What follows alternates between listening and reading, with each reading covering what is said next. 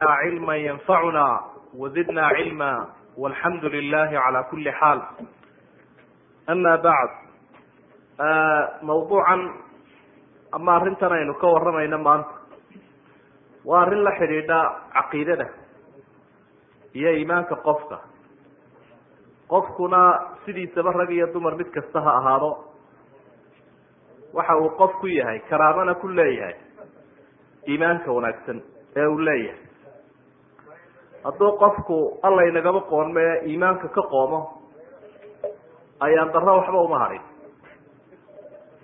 qofka bani aadamka ah ilaahay wuxuu tilmaamay inuu karaameeyey walaqad karamnaa bani aadam. Bani aadamka waan karaameeyey ba ilahay nicmooyinkaas uu sheegayna wuu sakilay rabbi karaamadaas waa islaamnimada iyo iimaanka. Haddii taa la waayo karaamadiisu way lumaysa waxaanu la mid noqonayaa qofkaas xayawaanka ama xoolaha. Sidaa daraaddeed ayaa ilaahay markuu gaalada ka warramaya waxau uhi in hum ilaa kal ancaami bal hum adalu sabiila. Waxay la mid yihiin xoolaha. Dad culimo ahaan jiray oo reer banu israa'iil ahaa ayaa cilmigii iyo caqiidadii marka ay waayeen ama caqiide fiican kolka ay waayeen iyagoo cilmi leh ayaa ilaahay uu ku tilmaamay inay yihiin dameero iyo ay. Mathalu ladina xumiluu tawraata uma lam yaxmiluuha kamasali lximaari yaxmilu asfaara. Dameer baa ilahay uu ku sheegay. Mathaluhu kamathali lkalbi waa nin culimadii reer banu israiil ka mid a ay baa ilahay uu ku shabahay. Macnaha waxa wey karaamadii baa luntay marka qofka bani aadamka ah inta uu iimaan leeyahay wuxuu ku tirsan yahay fi caalam alculuw qof udgoon oo macaan oo malaaigta shabaha wey siduu nabigu ku sifeeyey calayhi salaatu wasalaam. Waxa weeye udgoon macaan mar hadduu mu'min yahay camal iyo caqiide leh. Haddii kalena wuxuu noqonayaa mid uraya oo qaraadh siduu munaafiqa ku sifeeyey nabigu calayhi salaatu wasalaam.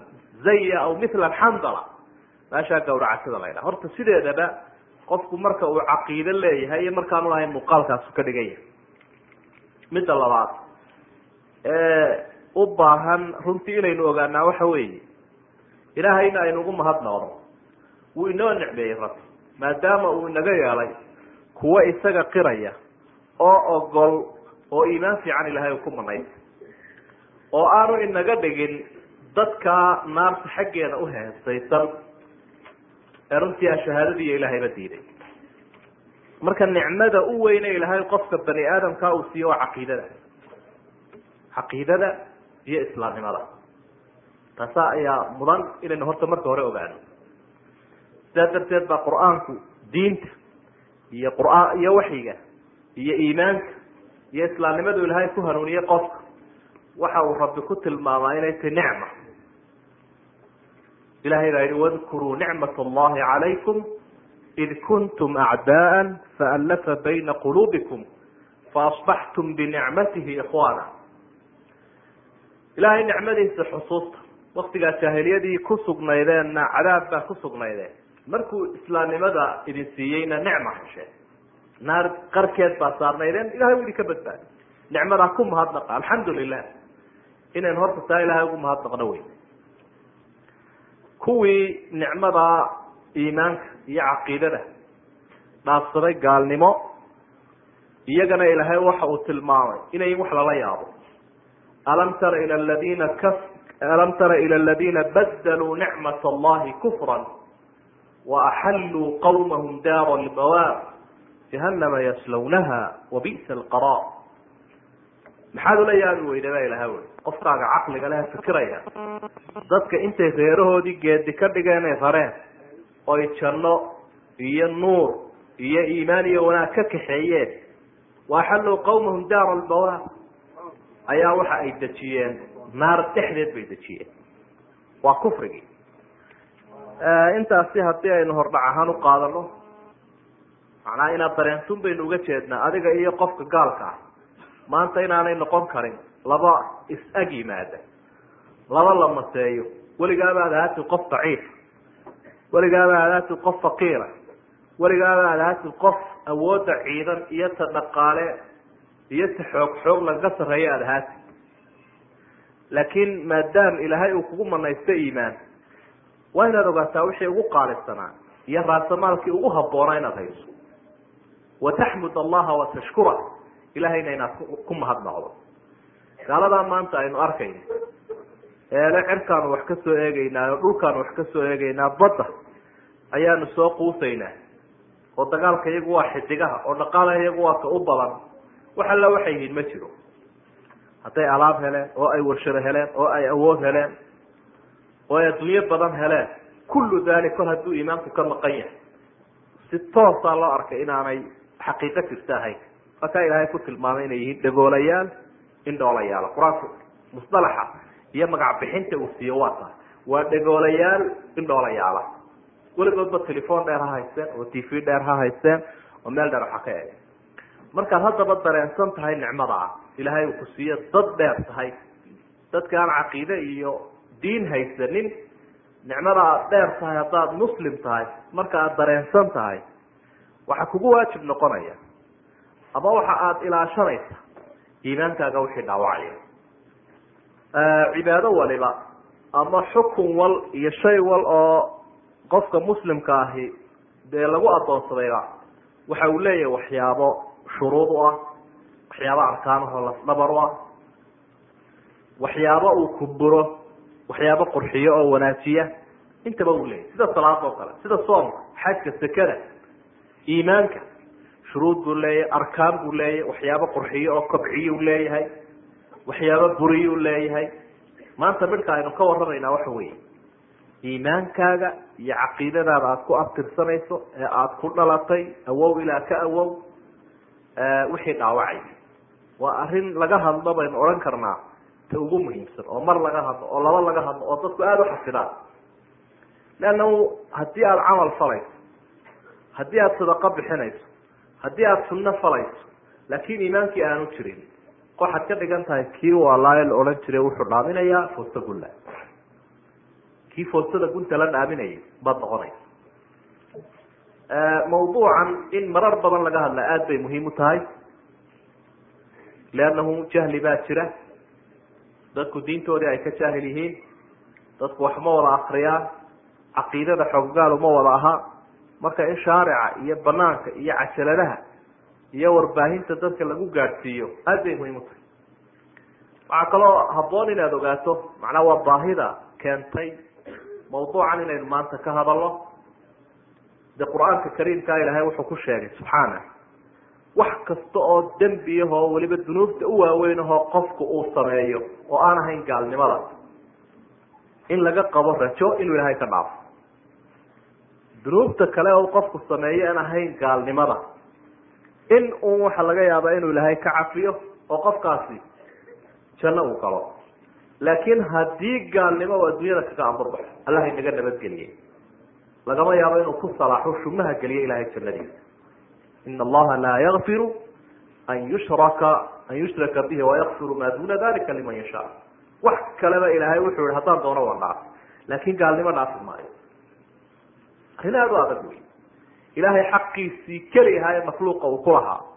Oo ahaa inay addoommo u noqdaan ayuu insaankani dafiray oo ihi aniga ilaah iima tihid layguma ka hadleeyo markaasuu ilaahay ku gacan sayday waxba kale kama dhexeeyaan isaga ilaah laakiin rasuulku wuxuu leeyahy sala allahu calayhi wasalam maalinta qiyaamaha marka dadku ay galaan kuwii ilaahay dembiga uu ka dhaafi waaye naarta kolka ay galaan waa laga soo saaraya qofka misqaalu dara min khardal in yar oo iimaanihi qofka ay qalbigiisa ku sugnayd xataa hadduu ilaahay naarta kaga jaro uu ka soo bixi doono.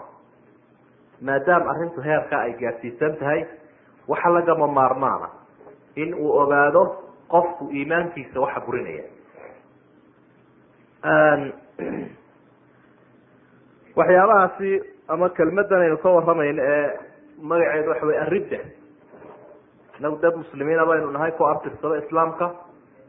Marka qofku hadduu islaamka ka baxo ama qowl ha kaga baxo ama ficil ha kaga baxo ama haba aamine bal waxaa ka dhalanaya magaciisa murtad baa la ydhaha waa ki islaamka ka noqday.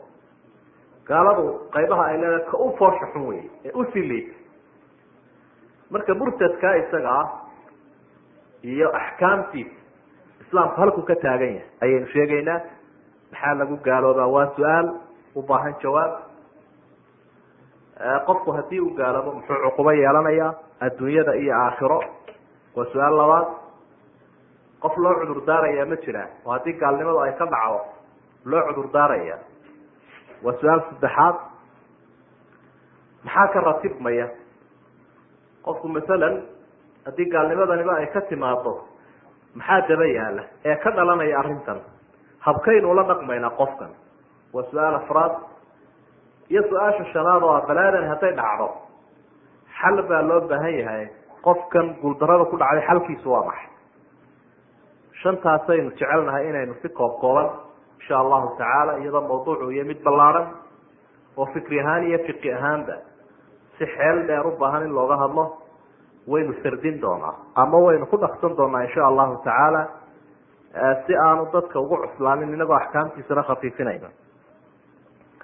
Waxyaabaha keenaya gaalnimada ayaynu tirinaynaa. Waxa culimadu ay sheegaan inuu ka mid yahay diinta shay dhexdeeda macruuf ku ah in uu qofku diidu dafiro. Waa shayga ay yidhahdaan inkaaru maa culima min addiini bidaruura malaa'igta iyo jinka makhluuqaadka ilaahay u abuuray aynaan arkaynin. Ayaa tusaale aynu u soo qaadanayna qofku uu diiday. Way dhacdaa dad mutacalimiin sheeganayo galbeedku ay waxbareen oo idhaahda jinka iyo malaaigta iyo waa iska falsafadu. Leanna wax muuqda ma ah. Waxaynu arkayna ma jinno ma jiro malagna ma jiro. Maynu aragno. Ama waynu urin lahayn ama waynu taaban lahayn ama waynu arki noocii ilaahdiidka ahaa. Iyo xataa qaarkood oo idhaahda ilaahay baanu ogollahay oo haddana makhluuqa qur'aanku uu sheegay xadiidku uu sheegay diidaya.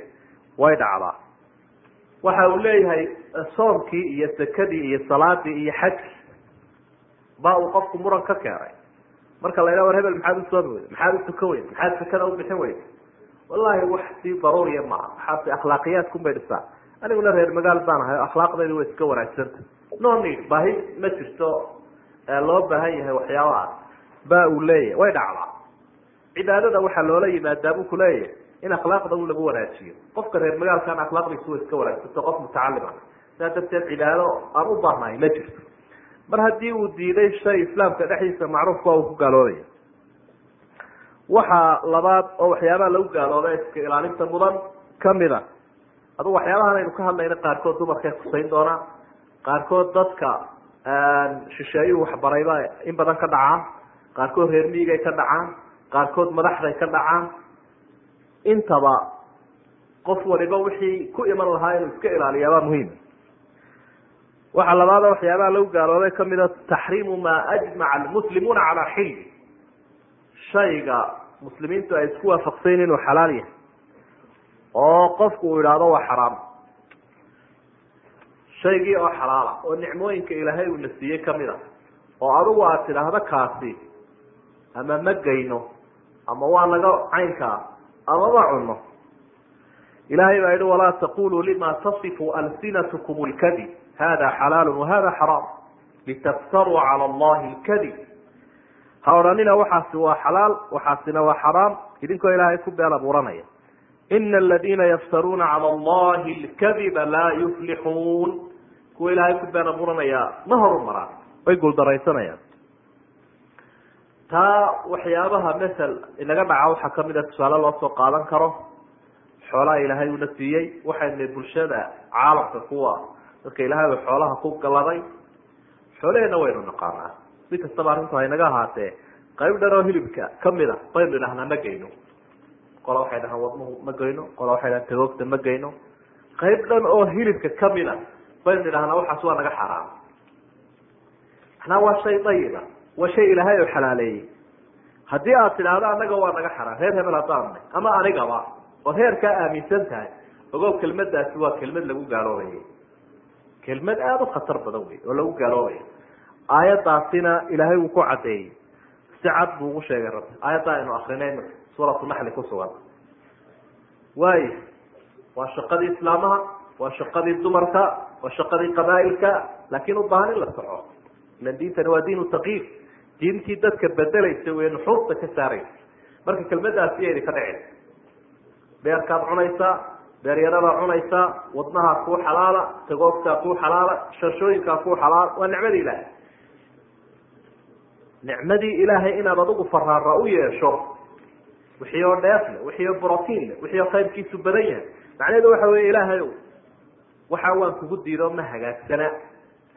Ilaahay baad ictiraaf ku samaysood ka hortimi taasi aan iska ilaalina waxa saddexaad oo culamaa lcaqiida ay tilmaamaan in lagu gaaloobayo istibaaxatu muxaram ajmaca almuslimuuna calaa taxriim shay xaraama oo muslimiintu ay isla waafaqsan yihiin inuu xaraam yahay oo aada tidhaahdo waa ii xalaal. Waa la isku waafaqsan yihiin muslimiintu iskuma diidana culimadoodu iskuma diidana iyo cidda diinta macrifada uleh in uu waxani xaaraan yahay. Nusuus badan baa sheegtay daliilkiisu waxa weeye mid qabciahoo go-an oon rog rog lahayn. Marka inaad tidhaahdo kaasi aniga waa i xalaal iyaduna waa waxaad ku gaaloobayso wuxuu qofku ku gaaloobaya wy waa kii hore ka soo horjeedkiisa. Kii hore wuxuu ahaa xalaashii oo la diido. Kanina waxa weeye xaaraantii oo la xalaashado. Oo mafhuum baa filaya. Sida khamriga oo kale baasha sinada la idhaahdo ribada doofaarka isticmaalkiisa dhiigga qofka muslimka ah xoolaha qofka muslimka ah intaasoo dhamiba waa wada xaraam. Qofka muslimka inaad xoolihiisa gardaro ku qaado dhiiggiisa gardaro ku geysato wax ugu geysato khamrigii aada xalaashato sinadii aada xalaashato ribadii aada xalaashato doofaarkii aada xalaashato. Doofaar maxaa noo keenayaaba o dhan leanna inaga inama dhex yaalla laakiin wax badan oo alaabta ka mid ah oo doofaar lagu sameeyaa jira haddaad ogaato taa inaad tidhaahdo ma fi mushkil warshaduu maray. Chemical badan baa la mariyey. Marka wax dhiba ma laha imika doofaarki doofaarkii la sheegay ma aha. Laakin waa doofaar la udgooneeyey oo la cadareeyey oo la iska isticmaali karaa inaad tidhaahdo maya iyadoo ay ku caddaato waxaynu aragnaa dadka qaarkood oo ilaa iyo hadda siday suuratulmaa-ida u khamriga aan uga harin ee qaba in ama lagu reer magaaloobo ama haddii madax la noqdo aan khamriga aanay ahayn in la daayo waxaa jira qayb kale oo sinada marka laga hadlo iyadoo umudaharaadaya oo aynu maqlayni maalmo dhawey irisku si uu ujoogsado sinada hala daaye bay dhahay. Kolkaasaa qaybo dhami way mudaharaadeen caalamka ka mid a waxaynu arkaynaa bahasha la yidhaahdo ribada. In ummadaha sheegtay inay dhaqaalaha caalamka hogaamiyaan ee yuhuuddu ay horseedka ka tahay waxa ay leeyihiin haddii aanu banku ribo ku shaqayn haddii aan wixii amaaha bixinaya ribo ku shaqaynin waxba kama ansaxayaan dhaqaal ahaan waa khalad. Markuu qofku caynkaa leeyahay ribadiina uu faa'iide ku sheegayo qad istaxalla alxaraam wixii xaraamta ahaa ayuu xalaashaday in uu ilaahay uga toobad keeno wey waa dadka dhaqaalaha ku shaqo leh iqtisaadku soo bartay ee reer galbeedku wax soo bareen ayay sii khuseynaysa innaga waxyaabaha inaga dhaca waxaa ka mid a qofku qofku u cadhoonaya markaasaa wuxuu leya hebel dhiiggiisu waa xalaal xoolihiisuna waa xalaal. Ereygaasi inuu kaa soo fulaa. Aad ba macnaa adu waxaad is leedahay aada buu kuu dulmiyey waanaad u cadhaysan tahay jawaab kulul bixi. Kolka aad tidhaahdo dhiiggiisa ay xalaala. Ilahay uga toobadkeen meel baad ka dhaca jar ba alla kaa fuulay xalku waxa wey inaad soo noqoto oo aada toobad keento waxa afraad oo waxyaabaha lagu gaaloobo ka mid a iddicaau fardin min alafraad ana alwaxya yanzilu calayh qofkii oo sheegta bulshada ka mid aha ama rag ha ahaado ama dumar ha ahaado isagoo sheegta in loo waxyoodo inuu waxyi ku soo dego waxyigu halku ku dhamaaday nebi maxamed calayhi salaatu wasalaam ilahay baa tilmaamay in risaaladii ay dhamaatay wama kana muxamadun aba axadi min rijaalikum walakin rasuula allahi wakhatama nabiyiin ambiyada nebi maxamed baa khatimay iyo ciddii waxyiguu ku soo degayay laa nabiya bacdi bu nabigu alayhi salaatu wasalaam nebi iga dambeeya ma jiro haddaba qofkii haddii uu yidhaahdo aniga waxibaa igu soo dego oo ilaahay baa waxii sheega waa laba midu inuu waalan yahay oo marfuuculqalam uu yahay oo hadalkan waali ka yeedhsiinayso iyo inuu yahay mid dajaala oo shaydaan ka dhex hadlayo islaamaha way dhacdaa mararka qaarkood injin uu ka hadlo qaarkood oo yidhaha waxbaanu daweyneynaa. Oo dabeetana ay noqoto mid bugtoo daaweyn u baahan. Dadkuna ay ugu tagaan inay wax daweyso.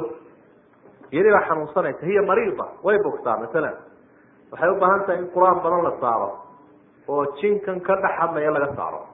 Dadkuna markaasay lacag badan inta ay qaataan ayay sii xanuunsanaysay odhanayaan hiblaayo na daweyn. Jinkeedii baa ka dhex hadlaya. Ilahaygaa ii waxyooday bay leedahay ama isagii horaamale ayaa weli hebel lagu sheegaya. Dabeedna wuxuu leeya ilahay baa ii waxyooday qofka caynkaasa waxay nagala gudbane waxa weeye waar ilaahay utoobadkeno dhaqanka noocana bedel in isagii la waaniyo lana dariibo. In wax la moodo maaha. Waxyaabaha lagu gaaloobo waxaa ka mid a ama shanaad ilqaau lmisxaf fi qaadura istihaanata biha waistikfaafa iyadoo kitaabkii qur'aanka ahaa ee qadarinta iyo karaamada mudnaa in lagu tuuro meel wasaka ama dee la dulaysto innaga inta badan ma dhacdo oo dadkeenu way jecel yihiin qur'aanka kariimka oo laabtay saaraan oo way dhunkadaan oo way soo dhaweyn dee mar dhulka uga dhacan mooyaane laakiin waxaa dhacda dadku marka ay had iyo jeer dabadaha u dhoofaan. Dadkana arkaysaana si maqiiqane dollarka doonaya qaarkood baa hay'adaha kristankae dhoofiya shuruudaha ku xidha shuruuday ku xidhaan shuruudaha waxaa ka mid a in qofku uu kitaabka qur'aanka ah ku fadhiisto ama uu ku joogsado way dhacdaa. Sida loo yidhaahdo waa lagu baadhaya oo caafimaadkaagaa la baadhaya ee isqaawi oo ninkiina ay eegeyso gabadhi gabadhiina nin eegayo. Bal waxaa laga eegaya cudurka noocaas cudurka noocaas haddaad doonayso in lagu baaskariyo fisha fisa lagugu dhufto. Wadanka iyaga cudur la geli mayside horta adoo muriyo gacanaan ku arag. Dadka qaarkood baa iskaga soo noqday. Oo yihi kol haddii dhoofidii ay iga xidhantay inaan isqaawi isqaawin maayo oo ka soo laabtay. Taasoo kale bay la mid tahay. Marka kitaabka qur'aanka ah in la weyneeyo oo runtii la qadariyo ku camalfalkiisa lagu camalfalayo iyo ixtiraamkiisa maadaama kalaamki ilaahay uu yahay waata waajibka ah haddii la dulaysto la ihaanaystana waa lagu gaaloobaya sidaa daraaddeed buu diiday nabigu calayhi salaatu wasalaam kitaabka qur'aanka in loola safro dhulka gaalada. Dhulkaa gaalada laynagu ibtileeyay inu ku sii socono inu ka soo socono. Ha ula safrina buu nabigu ui qur'aanka. Welibana imika sidii hore maaha aada bay u sii necabiyi wax alla waxa irhaabka abuuraya iyo argagixisada waa kitaabka qur'aanka. Bay america fahad baa maaragtay kutub badan daabici jiro u dhoofin jiray. Hanoo soo dhoofinina bay yidhahay gaalada la dagaalama ahlu kitaabka la dagaalama jihaad waxaasaa ka buuxa. Marka kii ay diideen in loo dhoofiyo marka loo dhoofiyo qofki intay ka qaadaan bay baytelmay ku ridaya rasuulku sala allahu calayhi wasalam maalin maalmaha kamida nimankii yuhuud ahaa buu la hadlo wuxu uhi balla kaale kitaabkiini tawraat way u keeneen. Barkima uu ku fadhiy ayuu ka kacay nabigu calayhi salaatu wasalaam markaasuu ku fadhiisto wuxuu ihi waxaan rumeeyey ilaahay ku soo dejiyey adigaba waana laga yaabaa in waxyaabo badan oo muxaraf ahaa ee bedbedeleen uu ku sugay maadaama kalaamki ilahay wuxuu kaga sii jiro. Barkimadiisiibuu nabigu intuu ka kacay uu ku fadhiya kursiga wahay ayuu saaray saasuu weynayay innagana saasoo kale aynala gudban ilahay baa yihi dalika waman yucadim shacaa'ir allah fa inaha min taqwa lquluub calaamooyinka diinta ilaahay ay leedahay qur'aanku ugu horeeyo qofka weyneeya weyneyntaasi waxay ka turjumaysaa in alla kacabsi uu qalbigiisa yahay. Waxaa lixaad oo kamida waxyaabaha lagu gaalooba ilaahay asmaadiisa oo la fududaysto asmaada ilahay ilaahay baa lagu baryaa qul idcu llaha aw idcu raxmaan ayama tadcuu falahu asmaa lxusna ilahay baa lagu baryaa asmaadiisa. Qofka asmaada ilaahay xafidaana jannadu ku galaa in markuu qofku ku wardiyayo ama ilaahay uu ku baryayo ama magaca ilaahay u qirayo aad ku jees jeesto iyadana waxyaabaha lagu gaaloobayo waxyaabaha runtii aan qofkii islaamnimadiisa waxu dhimaynin waxaa ka mid ah naftu waxa ay ugu sheekeynaysa iyo waswaaska qofka bani aadamki waa iska daciif. Sidan aada dadka ula sheekaysanayso ayaad naftaadana ula sheekaysataa nin baa isagoo had soconayo hadlaya ayaa la arko waxaa la war hebel maxaa dhacay? So adigan miyaad so adigan isla sheekaysanaya. Dadku qof waliba naftiisa uu la sheekaystaaye waana ise ismaqashiinin bui anigu laakin waan ismaqashiiyaa oo kor baan uqaadaa mushkilad kale ma jirta bui qof waliba naftiisa ula sheekeeya. Lakin anigu kor baan uqaado waan ismaqashiiyo. Intaasun baa dareenteen bui rasuulku sala allahu alayhi wasalam waxa uu xusay qofka bani aadamka ah haddii wax gaalnimo keenaya isagiiyo naftiisu ay ku sheekaystaan. Ilahay cafiskiisa ballaaran inoo qaban maayo ee waa ka dhaafaya. Xadiidkii muslim baasaa sheegaya abi hurayra warinayey ina allaha tajaawaza liummatii cama xadatat bihi anfusuha maa lam tacmal aw tatakalam bih ilaahay ummadayda wuxuu u dhaafay wixii qofku naftiisa labaadiyeynayo ee uu ku sheekaysanayo haddaanu qofku ama ku hadal ama aanu camal falin. Wuu sii iftiimiyey nebigu calayhi salaatu wasalaam markii u yimaadeen asxaabta qaarkood oo ka cabanaya waxyaabaha marka naftooda ay ugu sheekaynayso. Markaasaa wuxu laa yazaalu nnaasu yatasaaluuna xataa yuqaal hada khalaqa allahu lkhalq faman khalaqa allah faman wajada min dalika shaya falyaqul aamantu billah qofka shaytaanku uu imanaya wuxuu leeyahy waxaan yaa abuuray waxaan yaa abuuray wadajawaabsooxalada ilaahay ba abuuray.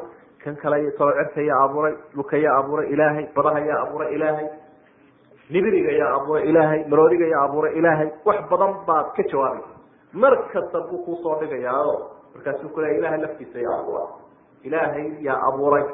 Markuu halkaa gaala buu nabigu uri calayhi salaatu wasalaam ilaahay intood ka magan gasho waxaad tidhaahdaa aamantu billah ilahay baan rumeeyey. Huwa alwalu walaakhiru walظaahiru walbaطin ilaahay cidi kama horeynin waa mid markaa aan isagu lahayn cid aba waxaa toddobaad oo kamida waxyaabaha.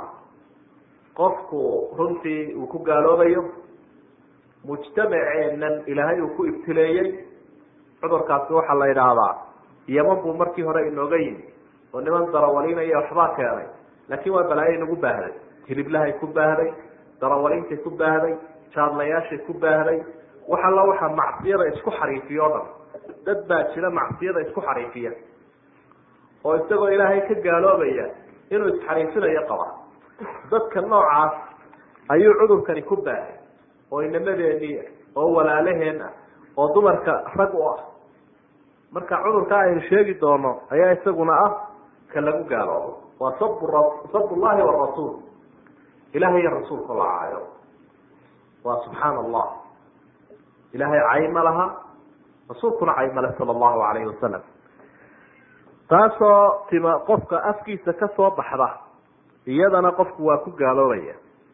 Waana ta nusuusta faraha badan ay ku tilmaamayso inay tahay dhibaatayn ilaahay iyo rasuulka la dhibaateeyey laguna mutaysanayo cadho allah ina aladiina yu'duuna allaha warasuulah lacanahum allahu fi dunya waalaakhira waacadda lahum cadaaba muhiina kuwa ilaahay iyo rasuulka dhibaya anna waa nacdalay baa ilahay wy adduunyada iyo aakhiraba waa nacdalay dhibaato ka weyni ma jirto intuu afka kala qaado qofka bani aadamku inuu ilahay caayo wladiina yuduuna rasuula allah lahum cadaabun aliim wama kana lakum an tuduu rasuula allah walaa an tankixuu azwaajahu min bacdihi abada ina dalikum kana cinda allahi cadiima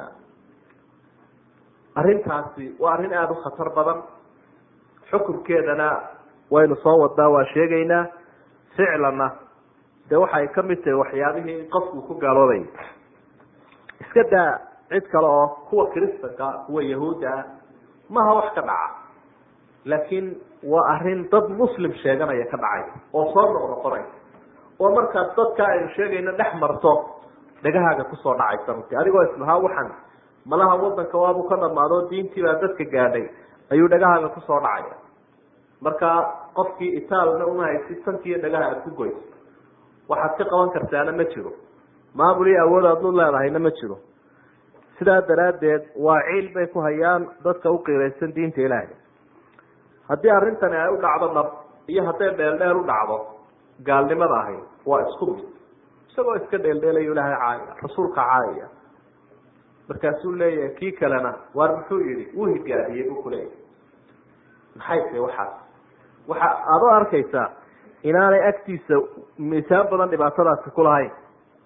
Ilaahay waxau yihi suuratu tawba walain sa'altahum layaquluna inama kuna naquudu wanalcab qul abillahi waaayaatihi warasuulihi kuntum tastahzi'uun laa tactadiruu qad kafartum bacda iimaanikum erayadaa gaalnimadaa markaad tidhaahda nebi maxamed war maxaa u tidhaahdeen ereygan waa lagu gaaloobay maxaa u tidhaahdeen waxay kuleeyihiin waanu iska jeesjeesay kaftan bay iska ahay nagamay dhab ahayn waanu iska dheeldheelayna reer magaalku uu iska kaftan badan yahay marka inamaa kunaa nakuudu wanalcab ilaahayna waxau ihi tabaaraka watacaala ma ilaahay iyo aayadihiisa ayaa ku dheeldheesheen? Ilaahay iyo aayadihiisi baa ku dheeldheesheen. Aayaadki ilaahay baa caydeen ilaahay baa caydeen. Waxba cudur daaranina waa gaalowdeen. Rasuulka sala allahu calayhi wasalam oo la caayo. Madaahibta waa isku khilaafeen. Horta layskuma khilaafin inuu qofka la dilayo oo la khaarajinayo. Laakin maxaa loo dilayaa? Baa isweydiin leh ma waxaa loo dilayaa gaalnimo mise waxaa loo dilayaa inuu sameeyey kabiira min alkabair dembi weyn oo dunuubta waaweyn ka mid a sida raajixa waxa wey inuu sameeyey dembi uu ku gaaloobay marka gaal ahaan baa loo dilaya qofkani kol haddaanu toobad keenin nebi maxamedna caayo calayhi salaatu wasalaam waa la khaarajinaya kow baa laga siinaya. Taa iskuma khilaafsana haddii aynu istidhaahno aqwaasha fuqahada iyo maraajicdooda wax ka sheega way nagu badanaysaa. Wakti dheerna uma hayno a'imada qaarkoodna waxaabay ku tegeenba in qofkani hadduu toobad keeno tawbadiisa aan laga aqbalayn qaadi ciyaad kitaabkiisa markaa siirada nebiga ka warramay calayhi salaatu wasalaam iyo xaqa nebigu uu inagu lahaa in fara badan buu masaladaa ku iftiiminaya oo uu kaga warramaya iyo mawsuuca alfiqiya iyo kuwaitiya oo masalada iyaduna aada u bastisay oo aad ka daalacan karayso. Waxaa la mid ah cayda la caayo ambiyada kale. Haddaan nebigaba qofku aanu caayin laakiin ambiyada kale nebinimadooda laysku waafaqsan yahay uu caayo. Iyana waa la mid ooryaha nebiga calayhi salaatu wasalaam in la caayo iyadana waa wax lagu gaaloobayo sida laga faa'idaysanayo aayaadka ka warramaya. Alif qisat alifk ee ku sugan suurat nuur. Qofkan murtadka ah cuqubadiisu adduunyada waa dilka ah waslad liidata weeye mujtamaca in looga raaxeeyo wey haddii la helayo dad diin ilaahay uhelinayo oogaya aakhirana waa cadaabka. Qofkan waxaa loo dilayaa laba sababood daraaddood midda u horeysa weeyaana waxa uu noqday namuudajan qabiixan waa tusaale xun. Wuxuu ka turjumayaa oo dadkii soo islaami lahaa uu ku leeyahay diintaa anigaa galay oo wax lagu sii jiro maaha anigaa galay oo anigaa ka soo noqday ee ka gaaloobay buu leeyahay. Ciddii soo islaami lahayd iyo ciddii soo hanuuni lahayd intaba waxa uu ku yahay caqabad buu runtii ku yahay. Qofkaa isaga ah. Midda labaad khana fi lislaami khiyaanatan cudma qofkani khiyaamatii u weyneyd buu sameeyey. Dawladu waxaynu naqaanaa in qofka had iyo jeer qaanuunkooda ka baxa ama dalalkooda ka soo horjeesta muwaadina intay qabtaan bay idhaahdaan. Khiyaamo weyn buu sameeyey. Waa khiyaamo weyn marka waa la dilaa. Taasi khiyaamo weyn maaha. Laakiin kan diintii khiyaameeyey intii iimaanka uu dhadhamiyey kadib kaasaa runtii khiyaamo weyn la yimi. Labadaas sababood baa ah ta loo dilayo arrinta sideedaad ee nusuusta ku sugan inuu qofku ku gaaloobaya waxa weeyaan takfiru lmuslim qofka muslimkao la gaalaysiiyo qofka muslimka ah ee walaalkaaya ama rag ha ahaado ama dumar ha ahaado ama caasi ha ahaado ama caabud ha ahaado in isagoo muslima oo aan gaal ahayn inaad gaalaysiiso aad tidhaahdo waa gaal iyadana waa wax lagu gaaloobayo. Sidaana waxaa xusay rasuulka sala allahu alayhi wasalam isagoo taa ka warramaya nebigu. Xadiid saxiixa muslim ku sugan wey waxa uu leeyahay ayuma mri'in qaala liakhiihi ya kafir faqad ba'a biha axaduhuma in kana kama qaal wailaa rajacat calayh qofka walaalkiisii muslimka ahaa aan ka xishoonina ku yidhaahdo gaalow war yaa gaal ayuu ku yidhi ama kaas maxaa kala hadlaysaan buri waa gaal markuu caynkaa yidhaahdo ama kaa uu ku sheegay baa gaala haddaanu kaasi gaal ahayna isagay kelmada ku soo noqonay kelmadii aad tidhi baad ku gaaloobaysaa buu nabigu leh alayhi salaatu wasalaam xadiidku waa saxiix muslim buu kusugan yahay idan markaa takfir lmuslim laa yukafaru lmuslimu bidembi sida ahlu sunna waljamaca ay qabaan qofku dembi uu sameeyey oo aan gaalnimo ahayn laguma gaalaysiin karo. Hadduu sinaysto hadduu khamri cabo macsiyo weyn buu la yimi xeer ciqaabeedkiisii baa la marinaya. Waa loo naseexaynaya si uu toobad keeno laakiin lama odhanayo waa gaal.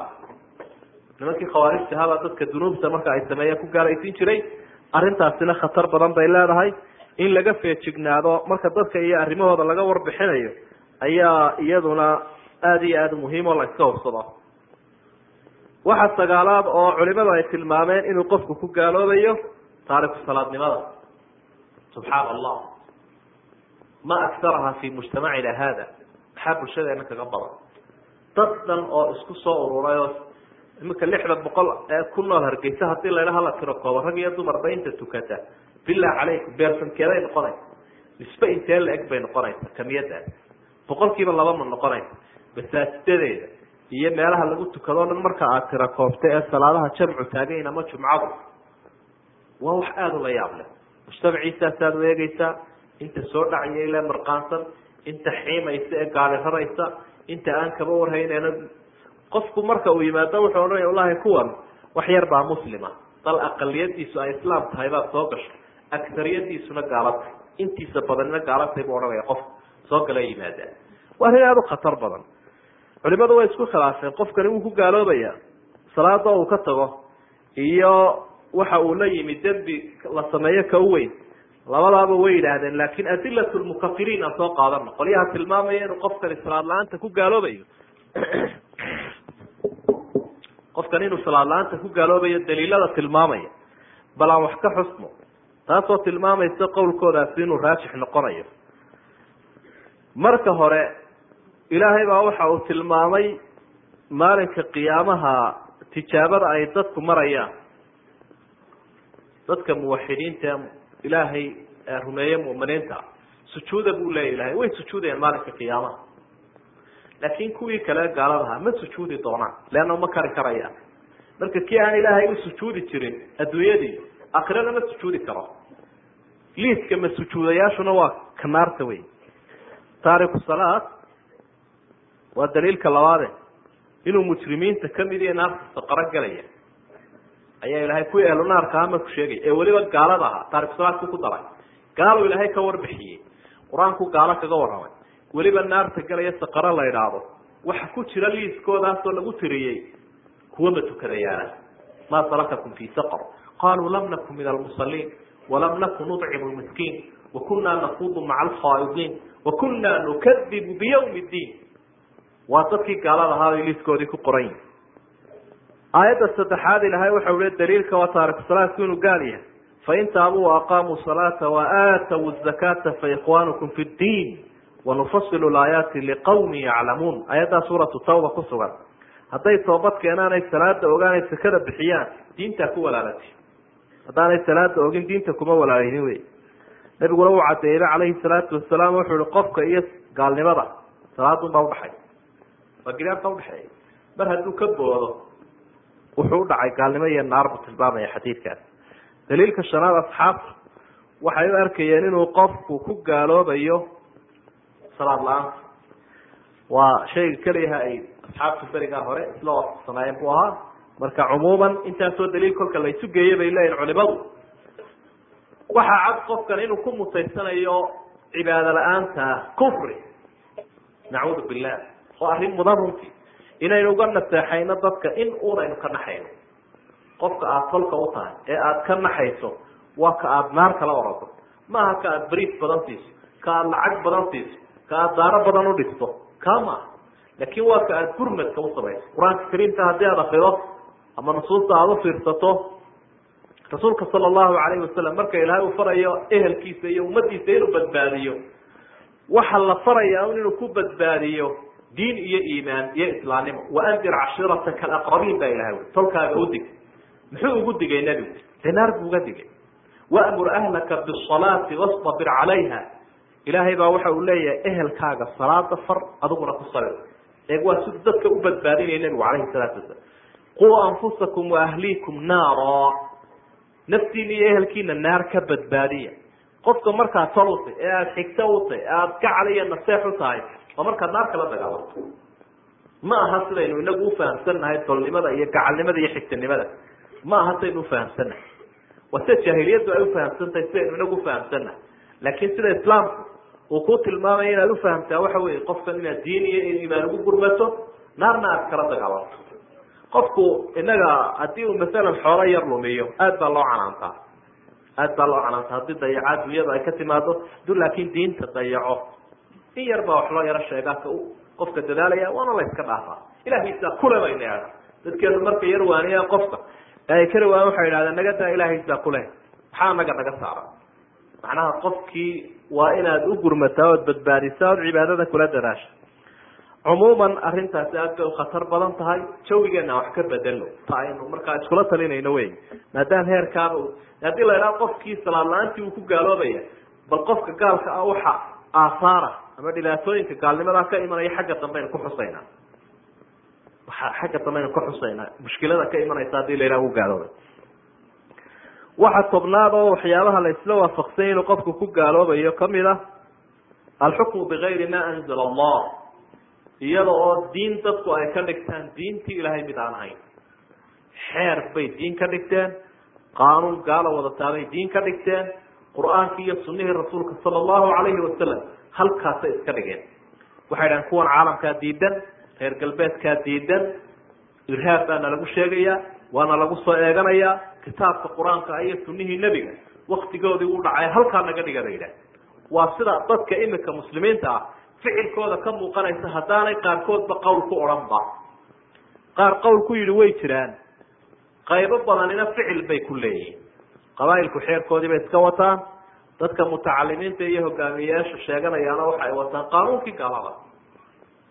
Diintii yaa markaa ku camal falaya yaa camiraya. Waxaa la doonayay qoysku inuu qur'aan ku camal falo. Dawladdu inay ku camal fasho. Qabiiladu inay ku camal fasho.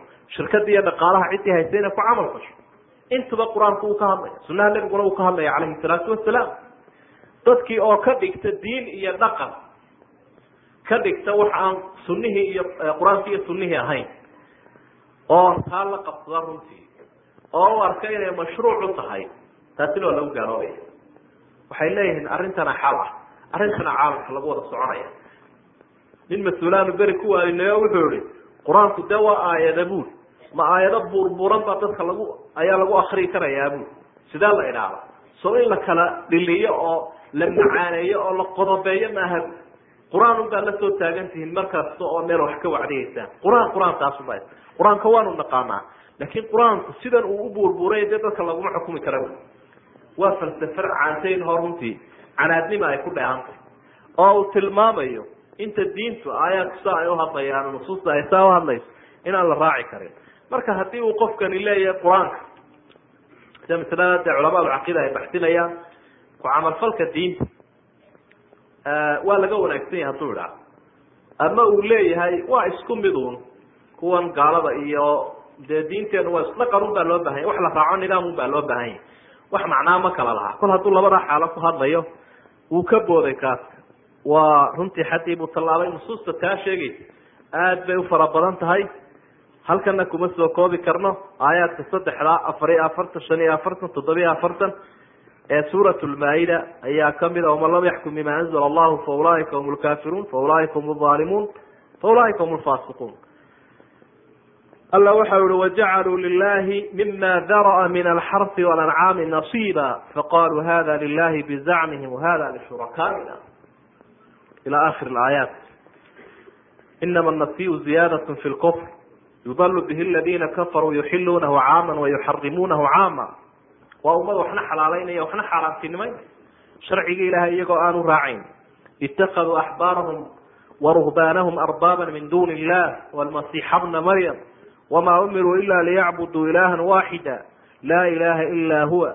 Subxaanahu cama yushrikuun. Aayadda koob iyo soddon suuratu tawba qola ilahay uu tilmaamay wuxuu nimankii yahuudiya kristanka ahaa. Suufiyaashoodii iyo culimadoodii waxa ay ka dhigteen ilaahyaal bal arrintaa suufiyaashii iyo dadkii culimada u ahaa wacdiga laga sugayo dadka inay ilaahay ku xidhaan ilaahyaal bay ka dhigteen. Rabbiyaal ayay ka dhigteen ba aayaddu leedahay. Nin kristanka ka mid ahaan jiro oo soo islaamay baa nabiga su'aalay calayhi salaatu wasalaam. Wuxuu leeyahay haddana anaan caabudi jirin be waa sidee markaasuu nabigu uhi calayhi salaatu wasalaam oo miyaanay waxay u xalaaleeyaan raaci jirin. Waxay ka xaaraantinimeeyaanna soo iskamay dayn jirin. Macnaha halkii ilaahay dadka wuxu xalaaleyn lahaa ee wuxuu ka xaaraantinimeyn lahaa ayay kuwani kaalintaa galeen ilaahyaalba isu dhigeen. Fadalika cibaadatuhum iyaah caabudidda ay caabudeen waa taas hadduu hebel dadka wixii uu xalaaleeyo ee aan sharciga waafaqsanayn lagu raacayo wixii uu diidu ka mamnuucu idhaahdo waa xaaraan laga tegayo. Nidaam noocaasa markuu dadka u dejiyo waa ka booday. Arrintaasina runtii aada iyo aad bay ukhatar badan tahay. Waa xukm aljaahiliya. Nusuusta ku soo aroortay aada bay u fara badan tahay. Waynu ka sii soconnay mawduuca kale. Aynu wax ka odhan lahay waxa weeye masel qofku mar baa loo cudur daari karaa iyadoo ficil gaalnimaa ama qowl gaalnimaha uu ka soo fulay una baahan runtii fiirsigeeda. Waa marka u ama gefo ama ila waxani uga dhaco ama jahli uga dhaco ama lagu dirqiyo. Qofkii gaalnimadan waa lagu dirqiyey. Gaalnimadan ficilkan uu samaynayo waaba ka jaahilba macnaha in waxaa lagu gaaloobo ma yaqaano qofkii. Khata bay uga dhacday. Hadal uga dhacay weeye khata iyo ges markaa diinteenu waa diin aada u dabacsan looma ciqaabayo qofki kumana gaaloobayo. Nusuus badan baa taana tilmaamay rasuulku sala allahu alayhi wasalam rafica can ummati alkhata wanisyan wama stukriu caleyh ummadan wixii gas uga yimaada ama ilow ama uga dhaca in lagu qasbo waa laga dhaafay buu leyahy marka taasi waa acdaam almawaanic waa mawaanicu ridda inuu qofkii gaalaba waxyaaba ka manciyay. Marka haddii la arko qofkani waxaan inuu ka jaahilya waa in la noos waxaanaynu garanayna nimanka soo aragnay wax badan. Ayaa laga yaabaa dadkeenu inaanay inuu gaalnimo yahay u qabin. Inaad mood garaysato kolley waa muhiim. Waa arrimii lafdhabarka ama shaygan qaybto. Mar hadduu islaamnimadaadi khatar ku yahay. Marka qofka ogaada hebelka waxaan uu ka soo fulaya inuu jaahil yahay yuu gaalnimo ku xukumi laakin ha u naseexeeyo. Hebelow arrintaa waa lagu gaaloobay iska daa hadduu ku adkaysto ua waar laguma gaaloobay adaan waxba garanaynin. Jahligii wuu ka baxay laakin wuu bareeraya wuu bareeraya marka qofkii aad u malayso in waxaan aanu garanaynin waa in loo naseexeeyo. Haddii masalan qofka isagoo sakhraansan oo cabsan oo khamrigii isku dhuftay waxaanoo gaalnimoa uu daldalayo hal yucdaru am la miyaa loo cudur daaraya mise waa maya? Looma cudur daaraya qofkan isbiirtoolaha ah ee cabaagee drinkarka ah ereyada ka soo fulaya iyo waxa ficil ka soo fulaya waa loo qabanaya. Hadduu gabadhiisa furo waa ka furantay. Hadduu wax dilo waa loo qabtay. Hadduu gaaloobo wuu gaaloobay leanna waalidiibu ku doontay. Lays buu ku raadiyey waalidii. Lacag buu ku iibsaday. Aafe ilaahay uu ku keenay maaha qofkaa loo cudur daari maayo isaga. Masel qadiyada la xidhiidha diin cayga iyo ilaah cayga ma odhan karna dadku waa ka jaahilini marka goor may ahayd may dhaweyn berigaynu maqli jirnay diintu caayayo wuu gaaloobay. Ciyaalkaa daba yaaci jir soo may jirni diintuu caayay uu gaaloobay diintuu caayay uu gaaloobay. Qofka waa la daba carari jiray. Taasi maxay ka turjumaysa in ficilka noocana gaalnimada ilaahay la caayo nebiga la caayo diinta la caayo ereygaa in lagu gaaloobayo wax cad bay ahayd. Bulshada ku faafay oo tawaaturay oo aan qofka loogu cudur daari karaynin waa mulaaxado runtii mujtamaceena ka muuqanaysa. Waxyaabaha lagu gaaloobaya waxaa ka mid a sixirka. Subxaana allah sixir. Oo beryahan dambe dadkeenu dad waxa ahaan iska reer miyi ahoo fidrada iyo abuurka iskaga dhow caadiga ahaa. Beryahan dambe markii isu socodkii batay dadku galbeed iyo koonfur iyo debad iyo dhinacyo badan ka yimaadeen dad bay suuq u noqday sixirka qaarkood awliyanimo ku dalceen. Inaba qabsadayba. Beri dhaweydoo dawladdu ay ururisay waaba laga yaabayba magaalada wixii sixir leh. Weli sheeganaya ka soo baxay. Intee tiradooda aada bay u badan. Inta la qabtee la xiday oo qura ayaa gaadhay kontomeeyo markaasaa dadkii aynu tirsanayneyn tujaarta iyo madaxda iyo haysanay qaar badan baa maskaxda ka naafaaba ka cawaranba oo maskaxda ay ka haystaanba. Oo sixirlihii la xiday ee wax isweydaarinaya dadka khataarayay ayaa loo ordaya oo loo doodaya oo laleeyahy weliga maxaa loo sheeganaya hala soo daayo. Waa nin hees dhegaysanayo record u daaran yahayo ka uu weliga ku sheegaya labada qowlal ka xumbaynaya oon cibaado aqoonin. Laa yusalli walaa yasuum. Kaasaa weli lagu sheegaya. Marka sixirkaasi imika uu soo batay waxaaba dhacda burca la igu sheegaya in koorsaba lagu bixiyaba coras oo carruur yar yar intoo la isu keeno dadka qaarkood sixirka loo baraba. Hadday arkaynu marayna markaasaa loo yeedhaya waalidkiisa waa meelaha qaarkood de inkastoo wax caama aanay ahayn. Arrimo si hoose isaga socdo wey waxaa la leeyahay bal kaale waalido ilmahaagi siduu sixirka uga aflaxay eeg dad looga qaateyna baa noo sheegay. Markaasaa digaagad baa la soo qabanaya kolba waxbaa lagu samaynaya mar iyadoo dhimatay mar iyadoo noolaanaysa ilmi yaraaba samaynaya. Subxaana allah marka arrintaasi aad bay ukhatar badan tahay. Rag iyo dumarkaa la isku jeclaysiiyaa. Qaar baa lagu kala eriyaa dad baa lagu weeraraa sixirkuna sidiisaba dad baa lagu madiideeyaa waxbaa lagu raad qaadaa kullu dalik waxaasoo dham waa sixir marka qaybihiisa kala duwan la eego waa sixir wey hadday madiido tahay hadday raadqaad tahay haddii ay qof la isjeclaysiinayo laba la isdhaxsiinayo tahay hadday qof la taabanayo lacag laga qaadayo tahay intan oo dhamiba maxay ku yimaadeen? Qofkani awood kale malo wuxuu ku dheer yahay male laakinahu yastacmil wayastakdimu ljin jin buu adeegsanaya hebelkaagan oo kale un wey ma kala itaal badnaydeen laakin qofkan ku taabanaya kala wareegeysa jin un baa maskaxda kaa dhirbaaxaya kaladi istahwatu shayaaiinu xayaraana fi lard waa dawakaysaa marka markaa uu ku taabto ama qofkii si la idhaa jin buu adeegsanaya jinkuna sideedaba qofka wuxuu adeegaa markuu qofku tallaabooyin badan oo xaaraana iyo tallaabooyin badan oo gaalnimo ah marka uu ka saxeexo ayuu jinku sidiisaba qofka u adeegaa. Uma adeego qofku jinka jeeroo waxa uu ka codsanayo ee gaalnimadu ay ka mid tahay uu soo sameeyo. Idan arrinta aada looga feejignaado yaan loo tegin oo yaan la iska dawaynin cidda waxaasoo kale lagu arko. Waa in runtii si adag loola dhaqmaa dadka waa in looga digaa sixirka kol hadduu qofku ku shaqaysanayo daklina bidayo waa arrin uu ku gaaloobayo oo u baahan runtii in laga dadaalo maxkamaduna ay ku xukumayso ciqaabta uu yeelanayo waaya qodobkaasi waxa uu ahaa saddex qodob baynu ka soo hadalnay waxa uu qofku ku gaaloobi karo iyo ciqaabtiisa iyo maxaa loogu cudur daaraya nuqdada aynu halkan imikana ka xusaynaa waxa weeye maxaa ka yimaado talo qofka marka intaa arrimood aynu soo sheegnay mid ka mid uu ka dhaco waxyaabihii lagu gaaloobaye maxaa yimaada waxa yimaada aafooyinkan baa daba socda. Waa maa yusama biaathaari ridda gaalnimada iyo raadadkeeda. Marka hore qofkan isaga ah xoolihiisi laga isaga laga dhaxli lahaa laga dhaxli maayo dadka muslimiinta ah ayuu dhex u yahay. Macnaha qofkani kol hadduu murtad noqdo oo hebelkaas gaalnimadaa ku dhinto ehelkiisii ma dhaxlayo. Laakiin baankaa lagu shubaya xoolihiisi waxaa saddexaad oo ka ratibmaya tasarufaadkiisa iyo wax alla waxa uu iibiye iyo waxa uu soo iibiye iyo waa buraya. Waxaa kaloo ka ratibmaya in gabadhiisiina ay ka furanto eekade wixii aynu soo tirinayna waad xusuusanta taariku salaadnimadii baa ku jiray in gabadhiisi diin caygii baa ku jiray qofkii in gabadhiisiina ka furmayso. Leanna diin buu ku mehersamay nabigu calayhi salaatu wasalaam waxa ula wastaxlaltum furuujahuna bikalimati illah dumarka cawradooda waxa ku xalaashateen raggiiow ilaahay kelmadiisa kelmadda ilaahayna waa tan wax lagu gunto waan kuu meheriyey waan mehersaday taa wey waa tii diinta kuu jidaysay diinta lafteedii buu caayay maxaa ugu hadhayba saw ka daaqada ka tuure ka booday. Wax wuxugu wixii wax ugu mehersanaaye wuu ka takhalusay diintiiba ilaahay uu ku diido wuxu hi ilahay iska qaadaan usan kaamaan aqbalin.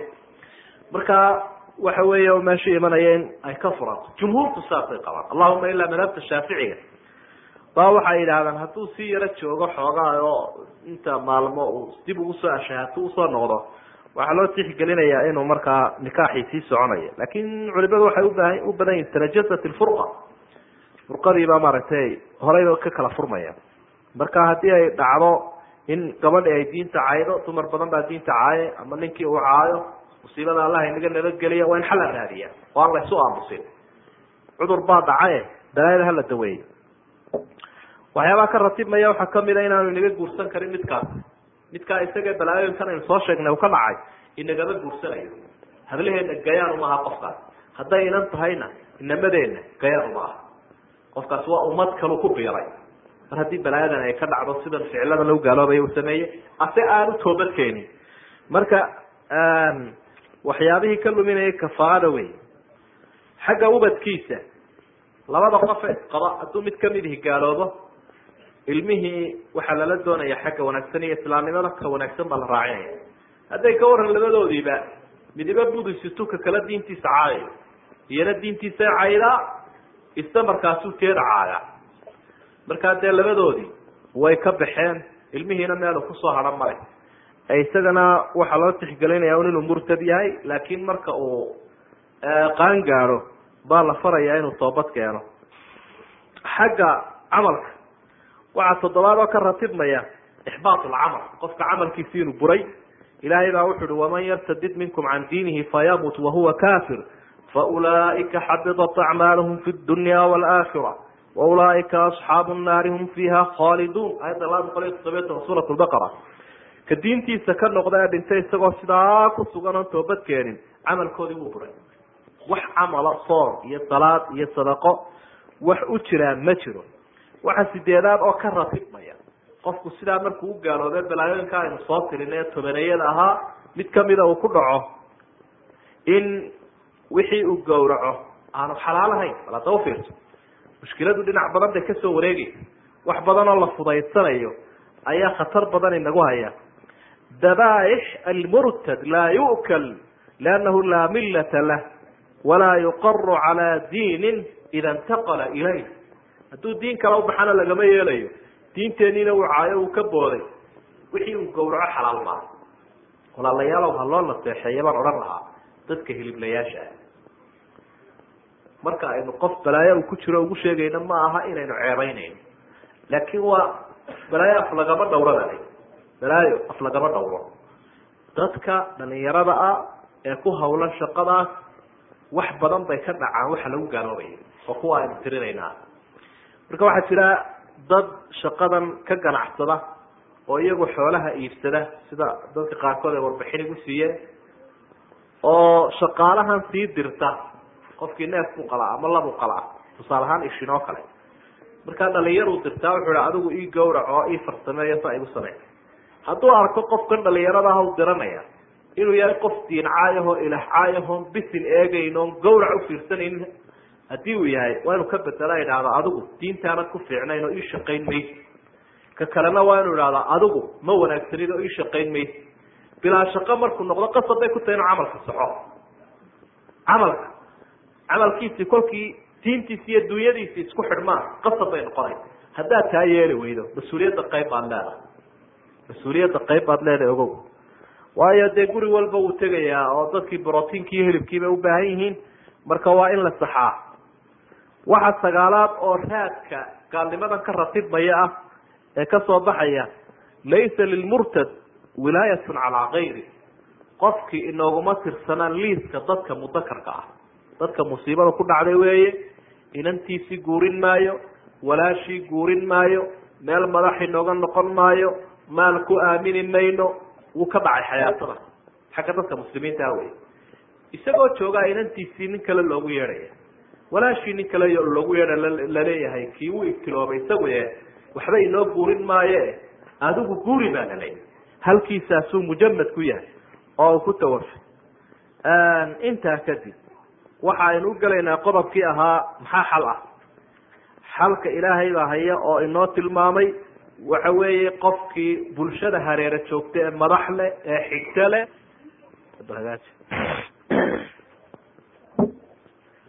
Bulshada hareere joogtaa in loo naseexeeyo in la dabaqabateeyo beriya baaskiisa iyo dhimbiilaha ka duulaya si aanay inoo soo gaadhin waa in la qabtaa la idhaahdo toobadkeen hadduu toobad keeni waayna maxkamaddaa dilaysa isagana waxaa la gudban inuu ilaahay u toobad keeno nusuustan baa markaa tawbadaa faraysa ilaahayna ugu bushaaraynayaa in hadduu isdabaqabateeyo uu ka dhaafayo dembiga.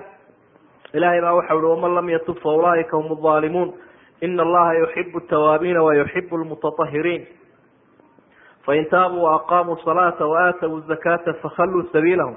Fain taabuu waaqamuu salaata waaatawu zakata faikhwanukum fi ddiin. Nusuustaas oo dhami waxa ay ugu bushaaraynaysaa qofkii ay ugu yeedhaysaa intaasoo aayaadi inuu ilaahay u toobadkeeno uu soo noqdo